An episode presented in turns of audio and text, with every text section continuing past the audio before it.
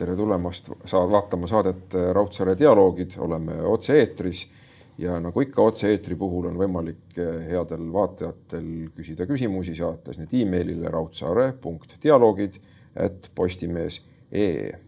ja tänane külaline on Mihkel Mutt, keda on rõõm tervitada siin Postimehes, mis ju natuke on talle ilmselt ka koduseks saanud, kuna Mihkel Mutt on meie hea kolumnist. tere. tere.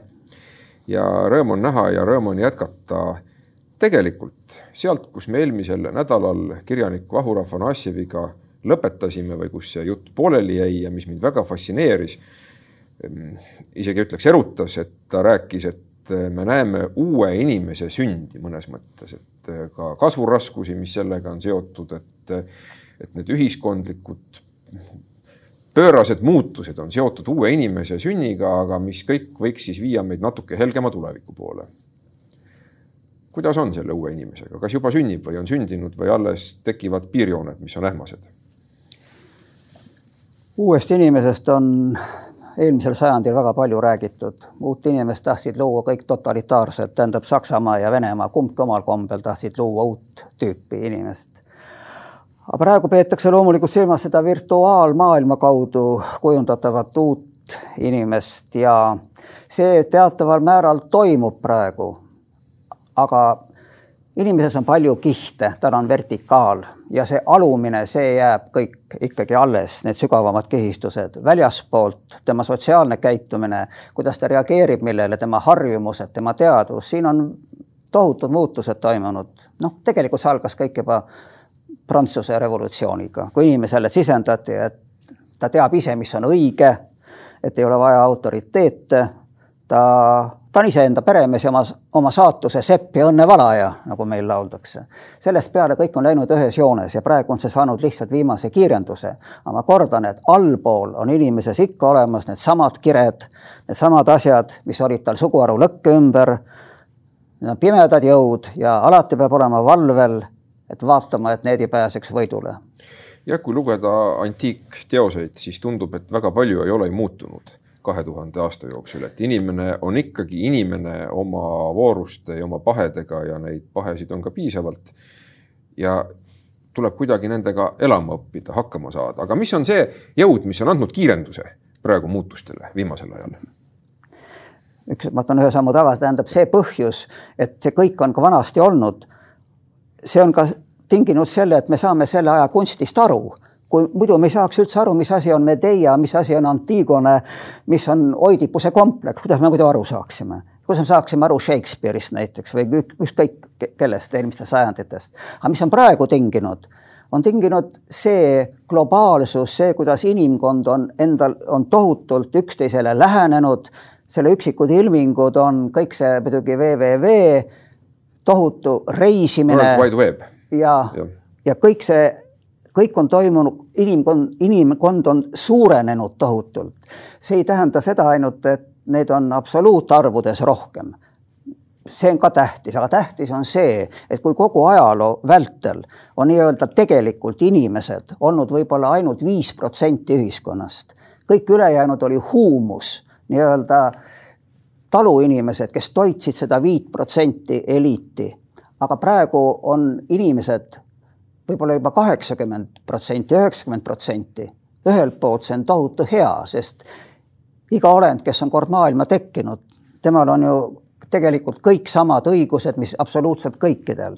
aga see ongi, õigused on antud, aga võimeid ja vastutust, tunnet ei ole kõikidel inimestel ühepalju siin on teatud tasakaalustamatus, vabadus on hea, kui sellega kaasneb vastutus, vastutust on praegu minu meelest vähevõitu ja sellega ma olen igati nõus, et need kaks poolt peaksid olema tasakaalus.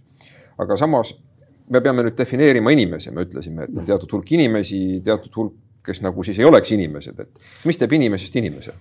inimese teeb inimeseks üldiselt see, et ta teab, et ta on inimene, see on tema põhitunnus, ta teab, et ta on olemas, ta on ainus olend ju maailmas, kes teab, et ta olemas on.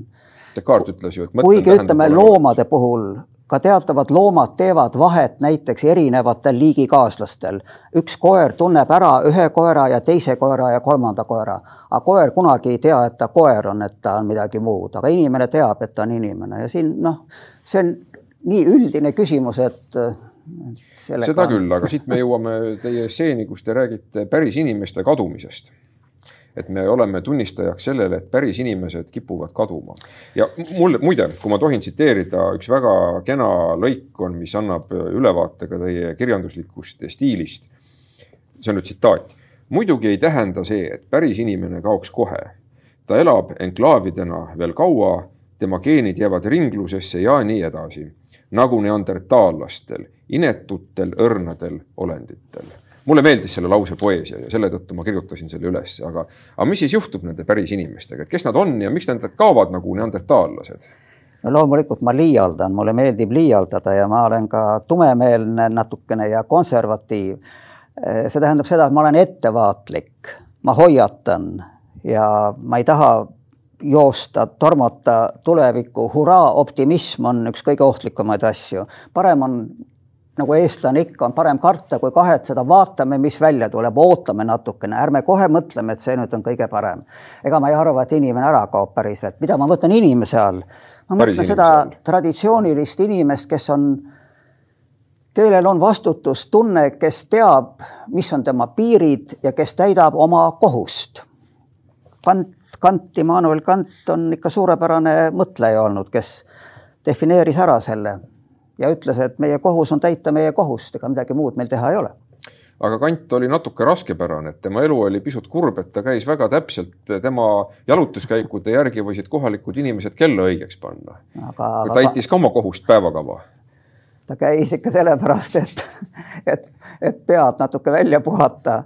aga ma ei usu, et Kant õnnetu oli, selle, selle, seda ei ole ma kusagilt kuulnud, ta, ta oli ikka endast päris ta teadis, mida ta on avastanud, ta ei olnud morbiidne ja ta ei põdenud tunnustamatuse nälga ja ta kuhugi mujale ei sõitnud Königsbergi, selles ei ole ka midagi hullu. ka Goethe näiteks käis ainult elus ühe korra Itaalias ja paar kuud veetis Pariisis, ta ei käinud mitte kusagil mujal. tal ei, ta ei tundnud vajadust, ta teadis, et, et seal, kus on tema, seal on maailm. mis on ka väga õige ja tollel ajal oli Königsberg ju väga kena koht kahjuks ei ole ta nii hooldatud enam ja isegi kantihaud on üsnagi, üsnagi räämas, mis on väga häbiväärne muidugi nendele, kes seda peaksid seal korras hoidma. see on väga ilus muide seoses sellega, mul tuleb meelde, kui Toomas Mann, kes Saksamaalt pidi natside ajal lahkuma ja kui ta, kui uhkelt tema ütles Ameerikasse minnes, seal, kus olen mina, seal on Saksamaa, see on see tõeline Saksamaa. see on võimsalt öeldud. aga nüüd mõeldes sellele saatele ma lugesin, mida te kõike olete teinud, kirjanik, esseist, kriitik, toimetaja, ka ajakirjanik. diletant, ütleme, diletant. no aga ikkagi üsna mitmekülgne, ma ütleks renessansi inimene, kes suudab olla edukas mitmes eh, vallas. aga ma paneksin siia juurde veel ühe katusnimetaja, mis on natukene udune ja mille üle me võib-olla võime natuke diskuteerida, see on ühiskonnategelane ühiskond siis järelikult on midagi niisugust, millega tuleb tegeleda, et on mingid inimesed, kes tegelevad sellega natuke rohkem kui teised. me siin eespool rääkisime Prantsuse revolutsiooni, suure Prantsuse revolutsiooni ajast või eelsest ajast kui, kui viis protsenti oli ilmselt need, kes rohkem ühiskonnaga tegelesid ja ülejäänud olid tegeletavad ja me ei räägi enam sellisest olukorrast, aga ikkagi ma saan aru, et nii-öelda ühiskonna asjad lähevad mõnedele inimestele rohkem korda ja mõned inimesed on suutelised nendega natukene rohkem tegelema. kuigi mulle tundub, et praegu midagi ühiskonnaga juhtub selles mõttes, et väheks on jäänud neid tegelejaid, kes tahaksid, kes on küll suutelised tegelema, aga nad ei taha tegeleda ühel või teisel põhjusel. aga mul on väga hea meel, et te ikka kirjutate ja kirjutate ka siin Postimehes ja võtate sõna. kust teil see julgus tuleb, et ikka tegeleda veel? huvist. ühiskonnaga, jah üldse huvist maailma vastu ja mis Aha. on, mis on veel huvitavam kui, kui inimene ja see, mis temaga juhtub. ma ei väsi iga päev imestamast ja imetlemast, kuidas asjad kulgevad, mis nüüd juhtub, kusjuures mitte midagi ei ole ju ette teada. see, mis toimub projektiga inimkond seda ei ole mitte kusagil varem juhtunud ja kui ka on kusagil juhtunud miljonite aastate eest või miljonite valgusaastate kaugusel, me ei saa seda mitte kunagi teada, see tähendab, seda pole sama hästi ka olemas. selles mõttes me oleme kogu aeg mingisuguses suures, õndsas ja põnevas seisundis minu jaoks ja, ja ma vaatan seda mitte nüüd pokkerimängija huviga, mitte ka võidusõidu kõrvalt rajalt jälgija huviga, sest ma ise olen ju osaline sellest, ega siis vaatleja ei saa ennast väljapoole asetada teaduseksperiment mõnes mõttes nõuab, et me suudaksime olla jah, objektiivne vaatleja. jah, aga tuuakse ikka see juba Aristoteles tõi selle näite, et, et ainult, et noh, need, kes tegelevad poliitikaga ja nii-öelda eluga, need on kas laval või siis ütleme staadionil, nad niimoodi ja, aga tõeline peremees olukorra, kellel on ülevaade kõigest, see on pealtvaataja, tema näeb. aga mis on selle hind? Ta ei saa ise osa võtta sellest, kõigest sellest jääb ta ilma. nii et nii see valik on vaja elus teha. see on täiesti selge, et, et, et see tegevus, mida muide vanal ajal peeti kõige kõrgemaks tegevuseks mõnda aega, oma asjade korraldamine, sest inimene on ju pluraalne olend, neid on palju, nad peavad kuidagi oma elu korraldama ja seda peeti kõige auväärsemaks ka sest sellest jääb ka mälestus, suurtest tegudest jääb ju mälestus ja suurtest sõnadest jääb ka mälestus. püstitatakse ausambaid. püstitatakse ausambaid ja mis oligi poeetide ja kirjanike mõte vanasti. Nemad laulavad suurtest tegudest, mis jääb ajalukku. aga see kõik on tõepoolest ajalugu ja selles mõttes on nii palju praegu muutunud. aga miks ei ole praegu neid inimesi, vaat seda ma ei oska, ma ei tea, miks ma oskan ikka välja pakkuda oma, oma arvamuse selle kohta. sellepärast, et nii palju muid võimalusi on, nii palju võimalusi on ennast teostada, see ei ole enam ainus ühiskonnategelane.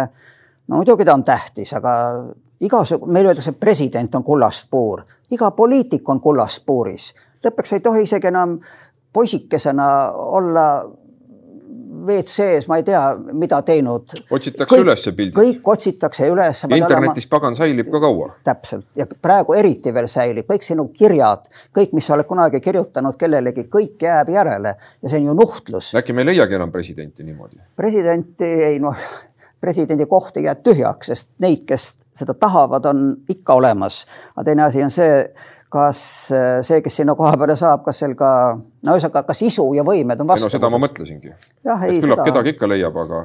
ei, presidenti on jah raske, ma olen mõelnud selle üle palju, sest noh, tal on ju kaks funktsiooni, sissepoole ja väljapoole, peab olema hea visiitkaart ja peab ka oma inimestele meeldima, on ju niimoodi, sellepärast et no meil on õiguskantsler väga tubli ja meil on ka ombudsman, aga need on formaalsed, nad lähtuvad seadusest, aga president peaks olema see mitteformaalne nii-öelda ütleme noh, perekondlikus mõttes õiguskantsler ja, ja ombudsman, lisaks ta peaks olema ilmalik peapiiskop, kelle sõnal on mõju ja vilunud seltskonnategelane kes oskab kätt suruda ja pühalikult silma vaadata inimestele. ja samal ajal mõeldes tõele ja õigusele Andrese moodi tegelane, kes aga ei lähe äärmustesse, et ta ei jää niimoodi sinna piiblit tsiteerima ja inimesi nii-öelda sellega peksma.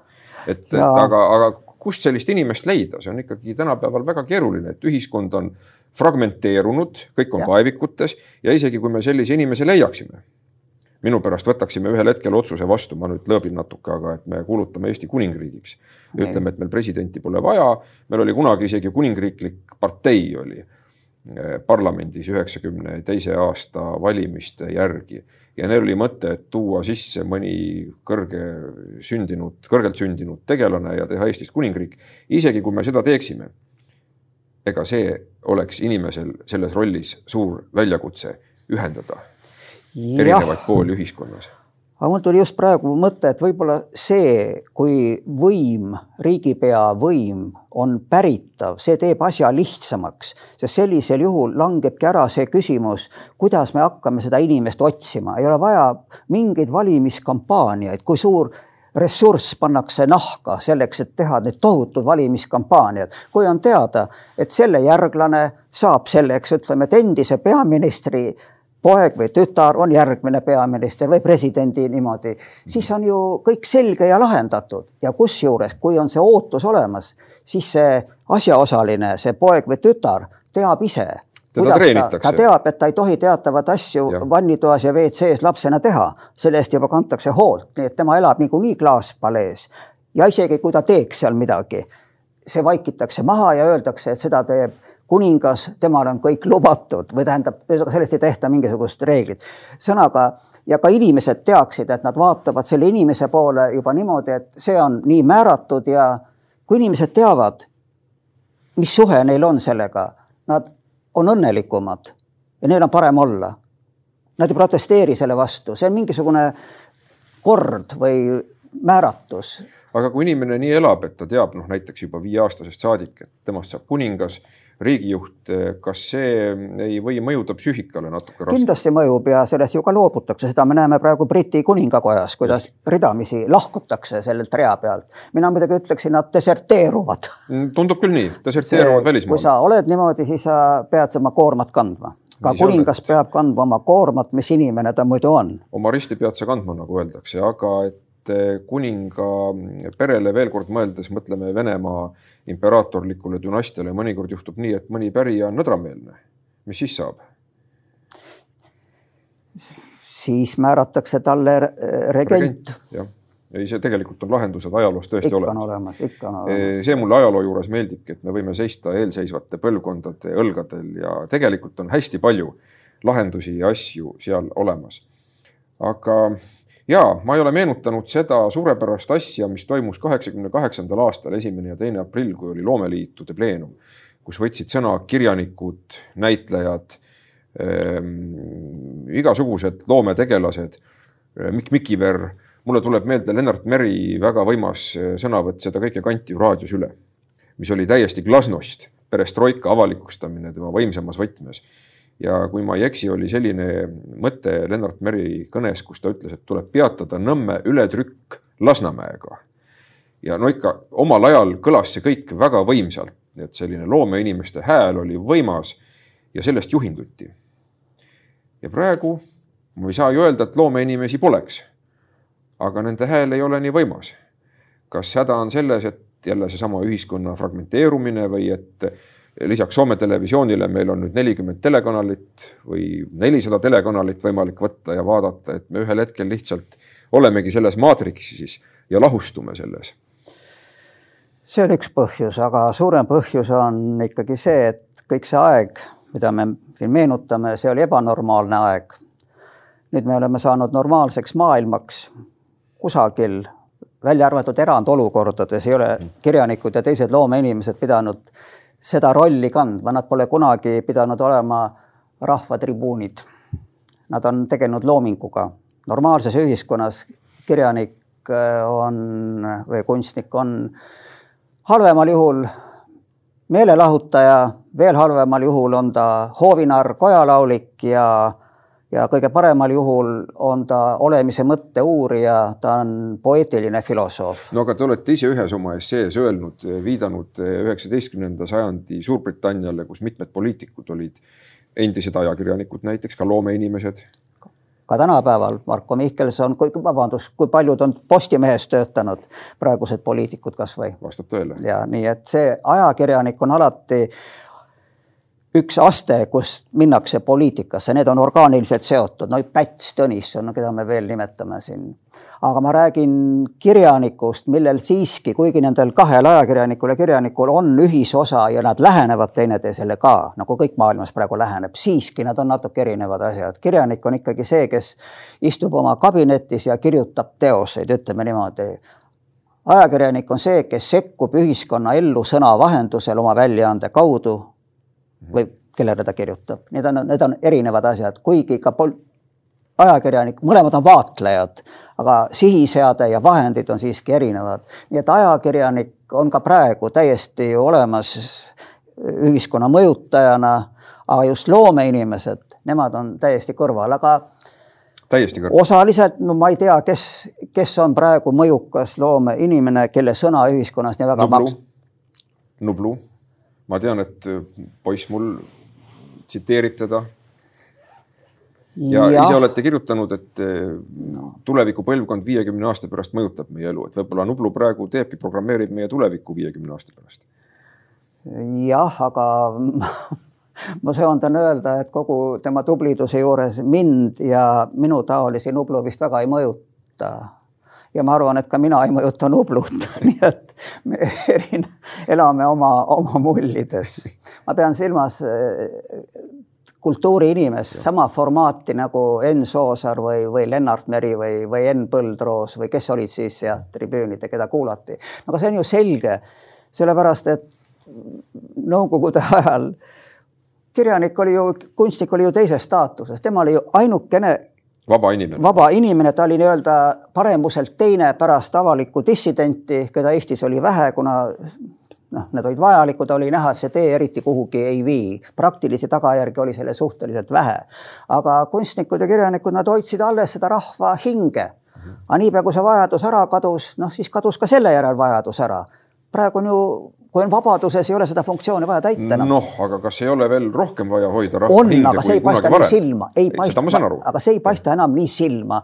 ja siit tekibki küsimus, kas enamikel inimestel oli vaja, ma küsin ise vahel, kas enamikel eestlastest oli vaja oma riiki sellepärast, et olla, et ajada äri eesti keeles, et äh, lugeda meelelahutusajakirjandust eesti keeles, et küsida tänaval putkast kartul, ketšupiga friikartuleid eesti keeles. aga miks ma ei võiks seda inglise keeles teha? kas sellepärast oli vaja oma riiki seda teha eesti keeles? ühtpidi on vastus kahtlemata jah, on küll vaja, ikka on tore küsida friikartulit ketšupiga eesti keeles no,. ikka on tore, kui õhulaevast stjuardess räägib eesti keelt, noh, seda vist enam eriti ei räägita, see on lihtsalt on kahju minul.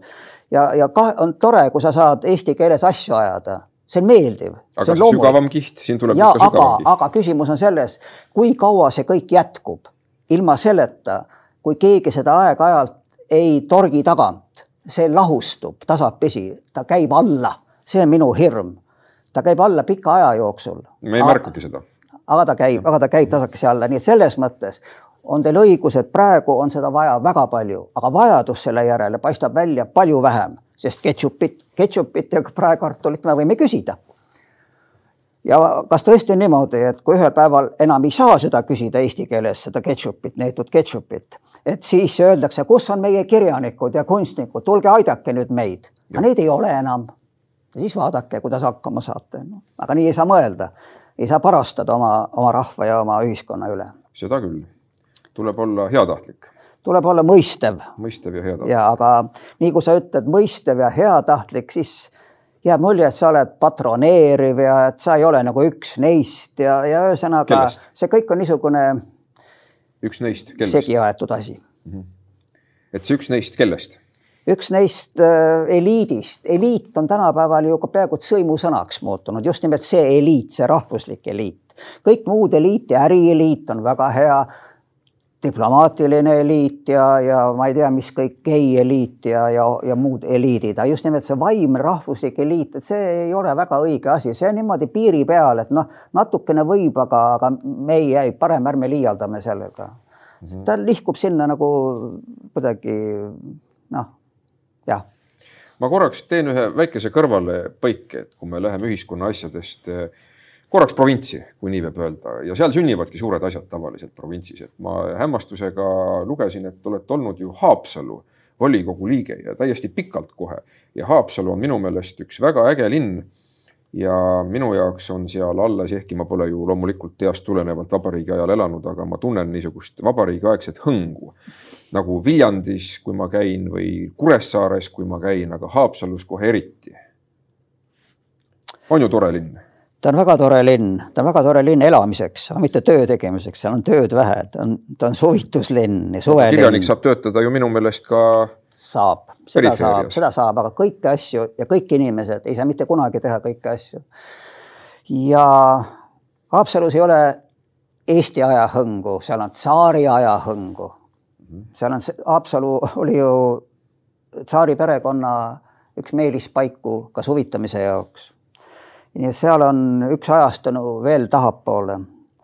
ja tulles nüüd tänapäeva, jah, Haapsalu, huvitav, et Haapsalus on seda praegust pandeemia mõju suhteliselt vähem tunda kui mujal, sest ta on alati talviti väga vaikne.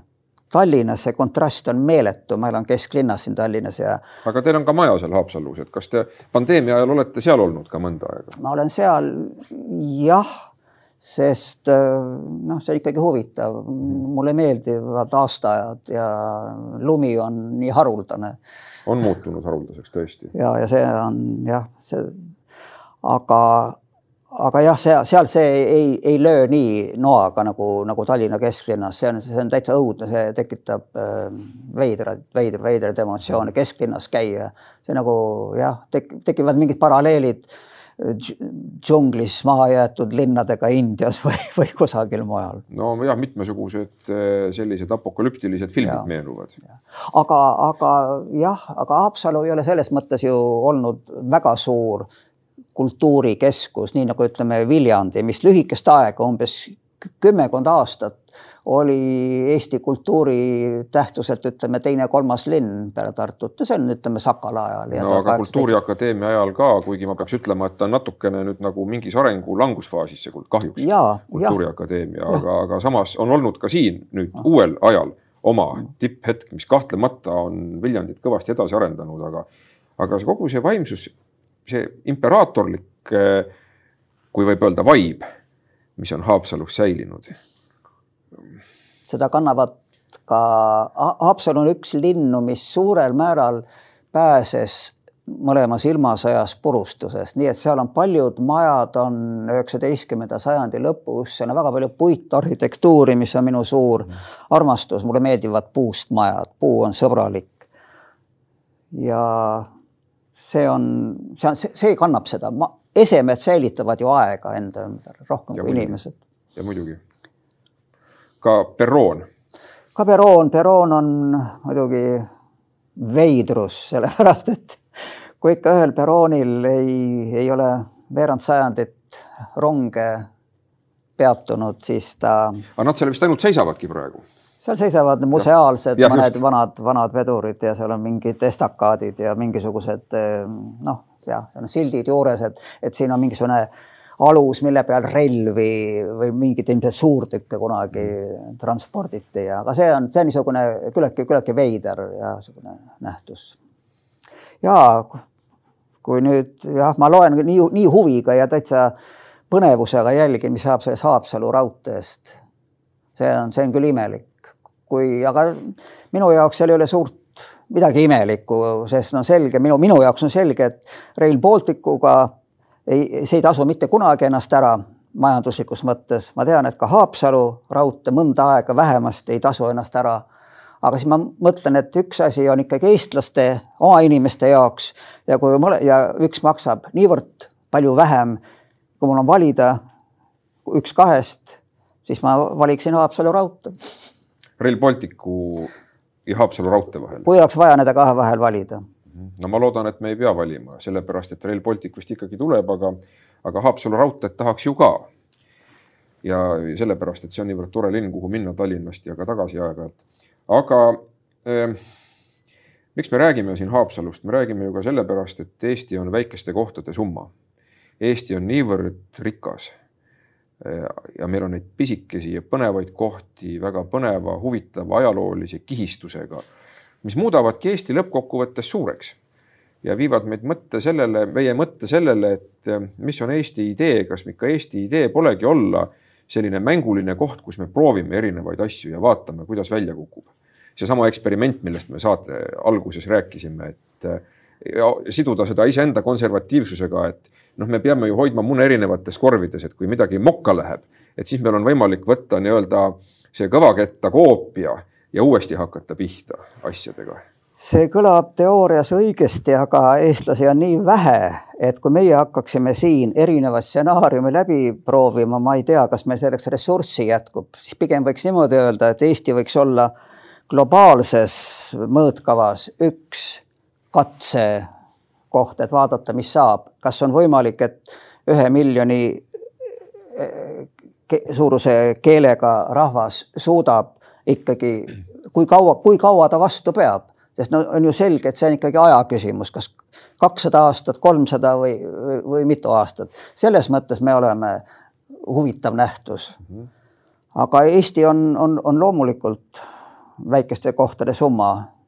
ma kirjutasin kunagi juba üheksakümnendate keskel ühe väikse laastu, mille nimi oli Kolka patriotismi ülistus kolka patriotism nimelt oli nõukogude ajal üks seitsmest surmapatust, seda kohe nii nimetatigi. kolklus, aga mina armastan seda kolklust ja ma armastan seda just niimoodi, et kui inimesed tahavad olla seal, kus nad on, et nad ei taha tingimata sinna minna, kus on ees midagi suurt ja head juba nagu valmis tehtud. nagu kant. võib-olla mm -hmm., võib-olla ma pean, aga ma räägin nüüd maisemalt, kant oli puhas vaim, aga ma räägin maisemalt, et sa ei lähe mitte ainult sinna, kus on see tuledes linn, mis sind veetleb, vaid sa tahad, et sinu juures oleks ka olemas need asjad, need poed ja kool ja kauplus ja mis kõige tähtsam, sul on seal oma inimeste ring, oma inimeste süsteem, sest ma usun siiralt, et inimene saab ikka õnnelikkust kõigepealt teiste inimeste kaudu ja sul on vaja seda oma väikest kogukonda, olgu see sada või kakssada inimest. ja mida rohkem neid kohti on, seda, seda rikkam ja õnnelikum elu on.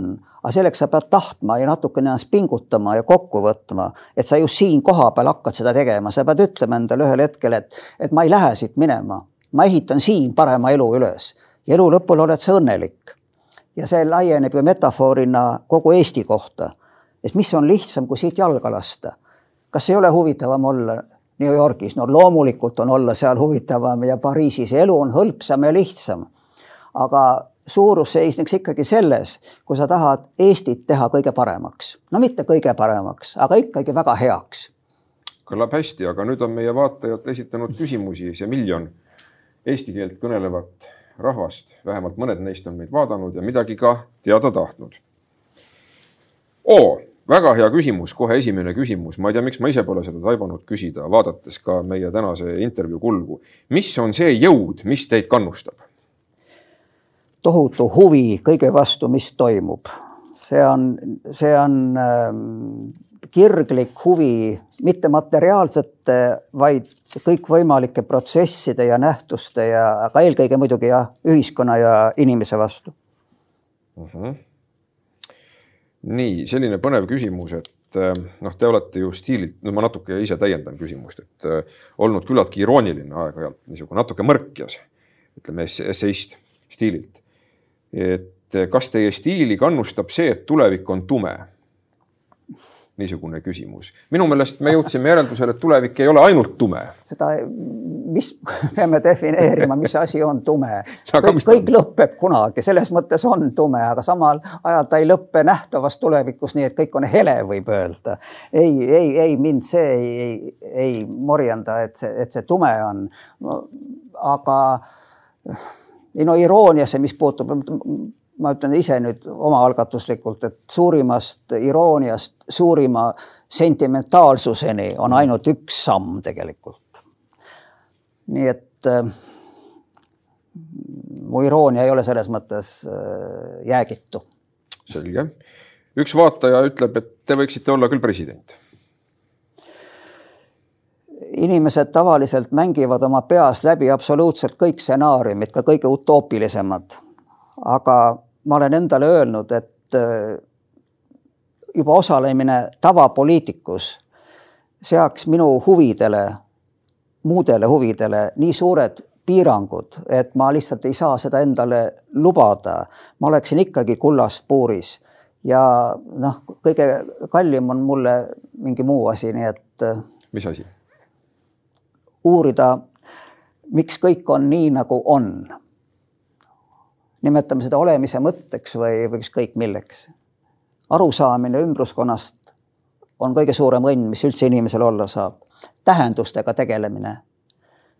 tähendused on teine asi kui mingi tõe tunnetamine või oskus midagi teha. tähendustel ei ole vastuseid ju. nagu ka palvele ei ole vastust. mõnikord on. aga kuidas me ütleme, kas palve on õige või vale?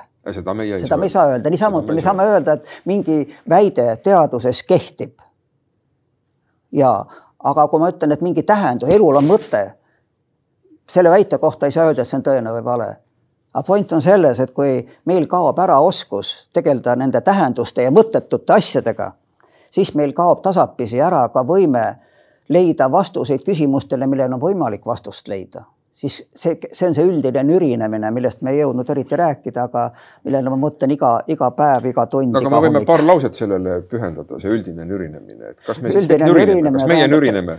tähendab seda, et kõik tahavad järjest rohkem oma teateid õhku paisata ja keegi ei taha teisi kuulata, dialoogi jääb järjest vähemaks, keegi ei vaidle vastu, kõik unustatakse ära, ei kontrollita näiteks seda, kas ennustused märki tabavad, vaid tullakse peale uue ennustusega tõde on kaup, konveier peab käima järjest rohkem. intuitsioon ütleb selgelt, tõde ei saa olla kogu aeg uus, uus võib olla mingi väike tõde, et täna on näiteks äh, aktsiate väärtus see ja see mm., aga see ei ole mitte see päris tõde, tõde on see, mis on, puudutab inimest kõige rohkem, kõige üldisemalt no,. fundamentaalselt seda, seda tema platvormi olemust. ei saa kogu aeg muutuda, sest see on sama, aga ajakirjandus, seesama platvorm, see nõuab, et kogu aeg midagi uut tuleks ja ka tõealalt tuleks midagi uut, aga tões ei saa uut tulla. siis leht ei müü. Teil ei ole täna uut tõde anda, me, me ostame konkurenti, kes pakub välja, et näete, meil on täna uus värviline tõde. no aga võib-olla tõde saab natukene, natukene areneda aja jooksul ta saab muutuda plastilisemaks, seda saab teistpidi esitada, sellega tegelebki kunst ja kirjandus, nad kõik tegelevad kogu aeg ju ainult ühtede samade asjadega. kogu filosoofia ajalugu tegeleb põhiliselt samade asjadega. sellega ma olen nõus. ja nad otsivad uusi vastuseid kogu aeg ja tegelikult nad ei otsigi vastuseid, nad vaatlevad ja keerutavad ja, ja muljuvad ja tegelevad sellega, aga see ongi ainuke tõeliselt inimlik tegevus.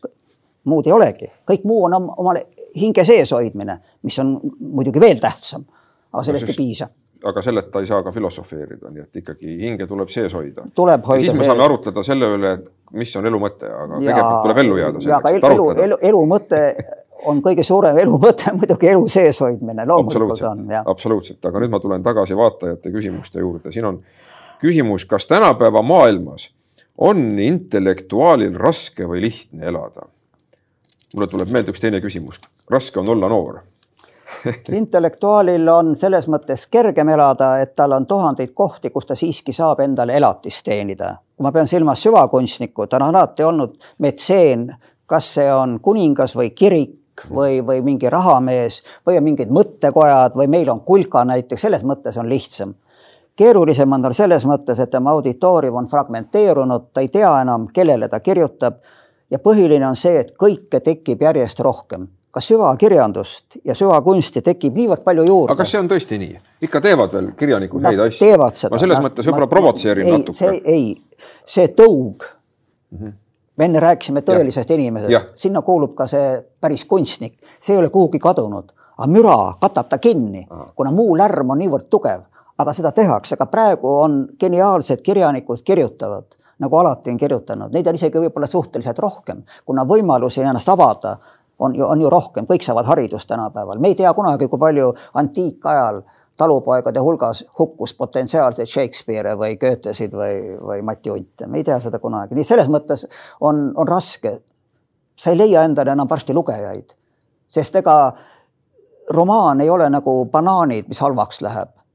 sedasama teost saab tiražeerida mitmes miljonis piiramatult ja sedasama asja saab lugeda ka järgmine põlvkond, ülejärgmine põlvkond, üle-ülejärgmine, kõike tekib järjest rohkem, aga inimene on paraku ikka samade võimetega piiratud, piiratud ja selles on see probleem, nii et raskem on mingis mõttes. nojah, aga Shakespeare'i Suve ja unenägu võib lugeda ka järgmisel või sellel eeloleval suvel väga edukalt no,. ja tiražeerida. ja, aga ma, ma räägin tänasest Shakespeare'ist mitte endast, vaid ma, ma, räägin, ma räägin Shakespeare'ist, temal ei ole nii kerge, tema ei ole enam noh, niisama lihtne. nojah, aga jah, tuleb ikkagi pälvida tähelepanu kirjanikul, selles mõttes on raskeks no,. mis ta peab tegema, ta peab pälvima tähelepanu kirjandusväliste asjadega. ei, seda ma ei ütle. ta peab lokku lööma ja käima esinemas äh, dialoogides ja olema igal pool no jah, nähtav tuleb olla muidugi, sellega ma olen nõus, aga mõeldes Mats Straatile näiteks, et Mats Straat oli nähtav omas ajas, ta kirjutas väga võimsa asja. Mats Straat on, er-, on noh, päris kindlasti no, absoluutne tipp. aurukatla ümber. jah, aga millal see ilmus ja miks seda nii pööraselt vaadati, see oli Nõukogude ajal, kui kõik, mis puudutas Eesti rahvast, oli kulla hinnaga. inimesed pidasid saalis hinge kinni. aga ma ei tea, kui paljud inimesed oleks huvitav teada, kui paljud noored inimesed tänapäeval on lugenud Ants Aur, Aurokatla ümber. täiesti huvitaks, sest mina võin oma suures pessimismis ja skeptitsismis täiesti puusse panna ja öelda, et loetakse väga vähe, aga äkki loevad väga paljud ja jumala eest, siis ma olen õnnelik, et ma olen eksinud. aga ma ei ole kindel, kas loetakse ma ei tea, keda üldse praegu loetakse, ma ei tea, kas isegi enam, no Mati Unti loetakse mm. -hmm. aga loetakse sellepärast, et ta oli kõva teatritegija ja värvikas isiksus. Võib-olla Vaino Vahingut loetakse, aga ma, ma mõtlen need, kes on pisut juba ütleme noh, mitte päris kaasaegsed. alati loetakse neid kirjanikke, kes on kaasaegsed, see kuulub asja juurde. kõige rohkem alati neid ja seetõttu mul järgmist küsimust on natuke raske küsida, see on minu enda küsimus, mitte vaataja küsimus, et kui nüüd äh, Mats Traat oleks kaasaegne ja sellest tulenevalt ilmselt tema teemade käsitlus oleks ka natuke teistsugune. kuidas ta saaks silma paista? Olles ikkagi seesama Mats Traat nagu suurte teemade läbiv käsitleja? ma arvan, et seda on väga-väga raske, kui mitte võimatu teha. ma arvan, et, et kui ta leiaks mõned, mõni kriitiku, mõned toetajad, kes teda nii-öelda promoksid, siis on tal võimalik, aga ta jääks tõsiste inimeste niši kirjanikuks, tal ei oleks säärast staatust, nagu tal praegu on. ja nii oleks ka teistega, ma isegi ei kujuta ette, mis saaks uuest Jaan Krossist aga ometi me just äsja leidsime, et neid inimesi on. ja nad neid kirjutavad, nad loovad ja, ja võib-olla ühel hetkel on meil neid vaja. Neid on kindlasti vaja. aga ma hakkasin mõtlema juba, et eh, teate, ma vaatan neid toidukullereid tänaval, nad viivad ühe, ühele inimesele seda või perekonnale seda toitu, äkki on tulevikus need samasugused kullerid sõidavad ka uute matstraatide ja uute Jaan Krosside romaanidega, nad sõidavad konkreetse inimese juurde, neil on seal kotis teosed, kõik muutub personaalseks. no Kivisildnik on üritanud teha seda print on demand, et vastavalt sellele, palju mul on tahtjaid, nii palju ma trükin oma luulekogu ja,. jah, jah, aga tähendab, et ta on tabanud äh, ajastu närvi, sest see on nõnda aga mõned küsimused on siin veel, mida võiks küsida. Mida te peate silmas selle all, et olete diletant? küsib vaataja. diletant on see, et ta ei ole ühelgi alal professionaal ja ta tegeleb armastusest. diletantism tähendab armastust asja vastu. ja see ongi vahe. Asja, diletant tähendab teiste sõnadega asjaarmastajat mm, -hmm. taidlejat, ütleme siis niimoodi. see on nagu poliitiliselt korrektsem sõna, taidleja ma olen taidleja väga paljudel aladel ja taidlen suure rõõmuga edasi. no aga sealt on lootus, et tekib rõõmu ka teistele. sest ja, kui inimene teeb kangutades need midagi, kaks siis... asja ei ole omavahel seotud. Eh, kas keegi on ettevalmistuselt professionaal ja mis on tema tegevuse väljund, muide ka teaduses, astronoomias ma tean, et eh, amatöör, no amatöör on sama, mis diletant tegelikult et amatöörastronoomid on teinud väga suuri avastusi. mitte väga palju, aga siiski on teinud täiesti, mis on jäänud professionaalidel kahe silma vahele.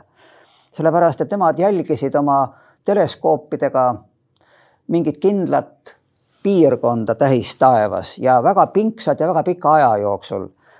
professionaalid libisesid sellest üle. aga muidugi see on võimalik ajal, kui ei olnud veel arvutitehnikat ja, ja ka teleskoobid ei olnud nii võimsad, kui nad praegu on, aga ütleme eelmisel sajandil ja ka selle sajandi esimesel poolel nad on teinud avastusi, komeete ja, ja tähti avastanud ja nii, et see on võimalik. aga mis kirjaniku professionaalsus puudutab, siis see on üldse väga raske vahet teha, kes on, kes on asjaarmastaja ja kes on professionaal. ma, ma ei tea, mis see no, vahet on. igal juhul Kultuurkapital ilmselt teab, et andsid aastapreemia teile. raamat oli ju kogumik, eks ole, maailmas peegelduv veetilk tavaliselt on ikka nii, et me arvame, et veetilgas peegeldub maailm, aga mulle meeldib, et vastupidi võib ju ka mõelda. ma tunnen ikka vajadust vastupidi öelda, nagu ma ka ühes oma viimases loos ütlesin, et et kui meil kõik hästi läheb, siis mitte, et ei paista meie tunneli lõpus valgus, vaid ma ütlesin, et meie valguse lõpus paistab tunnel. ma arvan, see on täpsem. ma ei tea, mida sa, mida selle kohta ütleksid füüsikud, kas valguse lõpus saab olla tunnel, aga ma arvan, et saaks olla Mm, siin me läheme vist juba valgustunneli teemade juurde, mis on omaette metafüüsiline teema, aga kuna me võime oodata teilt mõnda uut romaani? Ja millest? ma ei, ei, ei oska öelda, tahtmine on taevariik, nagu iga viisakas kirjanik olen ma peale igat raamatut öelnud, et see on viimane, aga kui sa oled seda mitu korda öelnud, siis sa juba tead, et, et et eh, noh, see ei pruugi niimoodi olla. noh, ikka jah, ikka jah. aga ma arvan, et ma kirjutan kolmanda jao Alam-Kolka küla seeriast Eesti ümberlõikaja Mägrad Hernes ja kolmanda pealkirja ma veel ei tea. mulle meeldib see Alam Kolka küla, sest see on ju Eesti kõikide oma veidrustega. mis muudabki ju elu siin nauditavaks. ja võimaldab meil küsida, miks miski on, mis on sügavalt filosoofiline küsimus. või kuidas ta nii on ja miks ta just nii peab olema? see on sattumus. Teist võimalust ja teist asja ei ole kunagi olemas. see on see suur elu no kas traagika või aga iga, iga asi, mis teoks saab, nullib ära miljonid teised võimalused. ja nii, nii, sellepärast inimelu on, on selles mõttes traagiline, et sa ei, sa ei saa olla korraga, kui sa oled ühes kohas, sa ei saa, kui sa oled Pariisis, sa ei saa olla New Yorgis, kui sa oled Tallinnas, sa ei saa, ei saa samal ajal olla Tartus või Haapsalus. kirjanduse üks funktsioon ongi see, et ta, ta pakub sulle alternatiive, alternatiive ja kompenseerib neid, neid, neid võimalusi, sa saad selle kaudu seda välja elada. see ei ole muidugi päris see, aga ta on ikka parem kui, kui mitte midagi.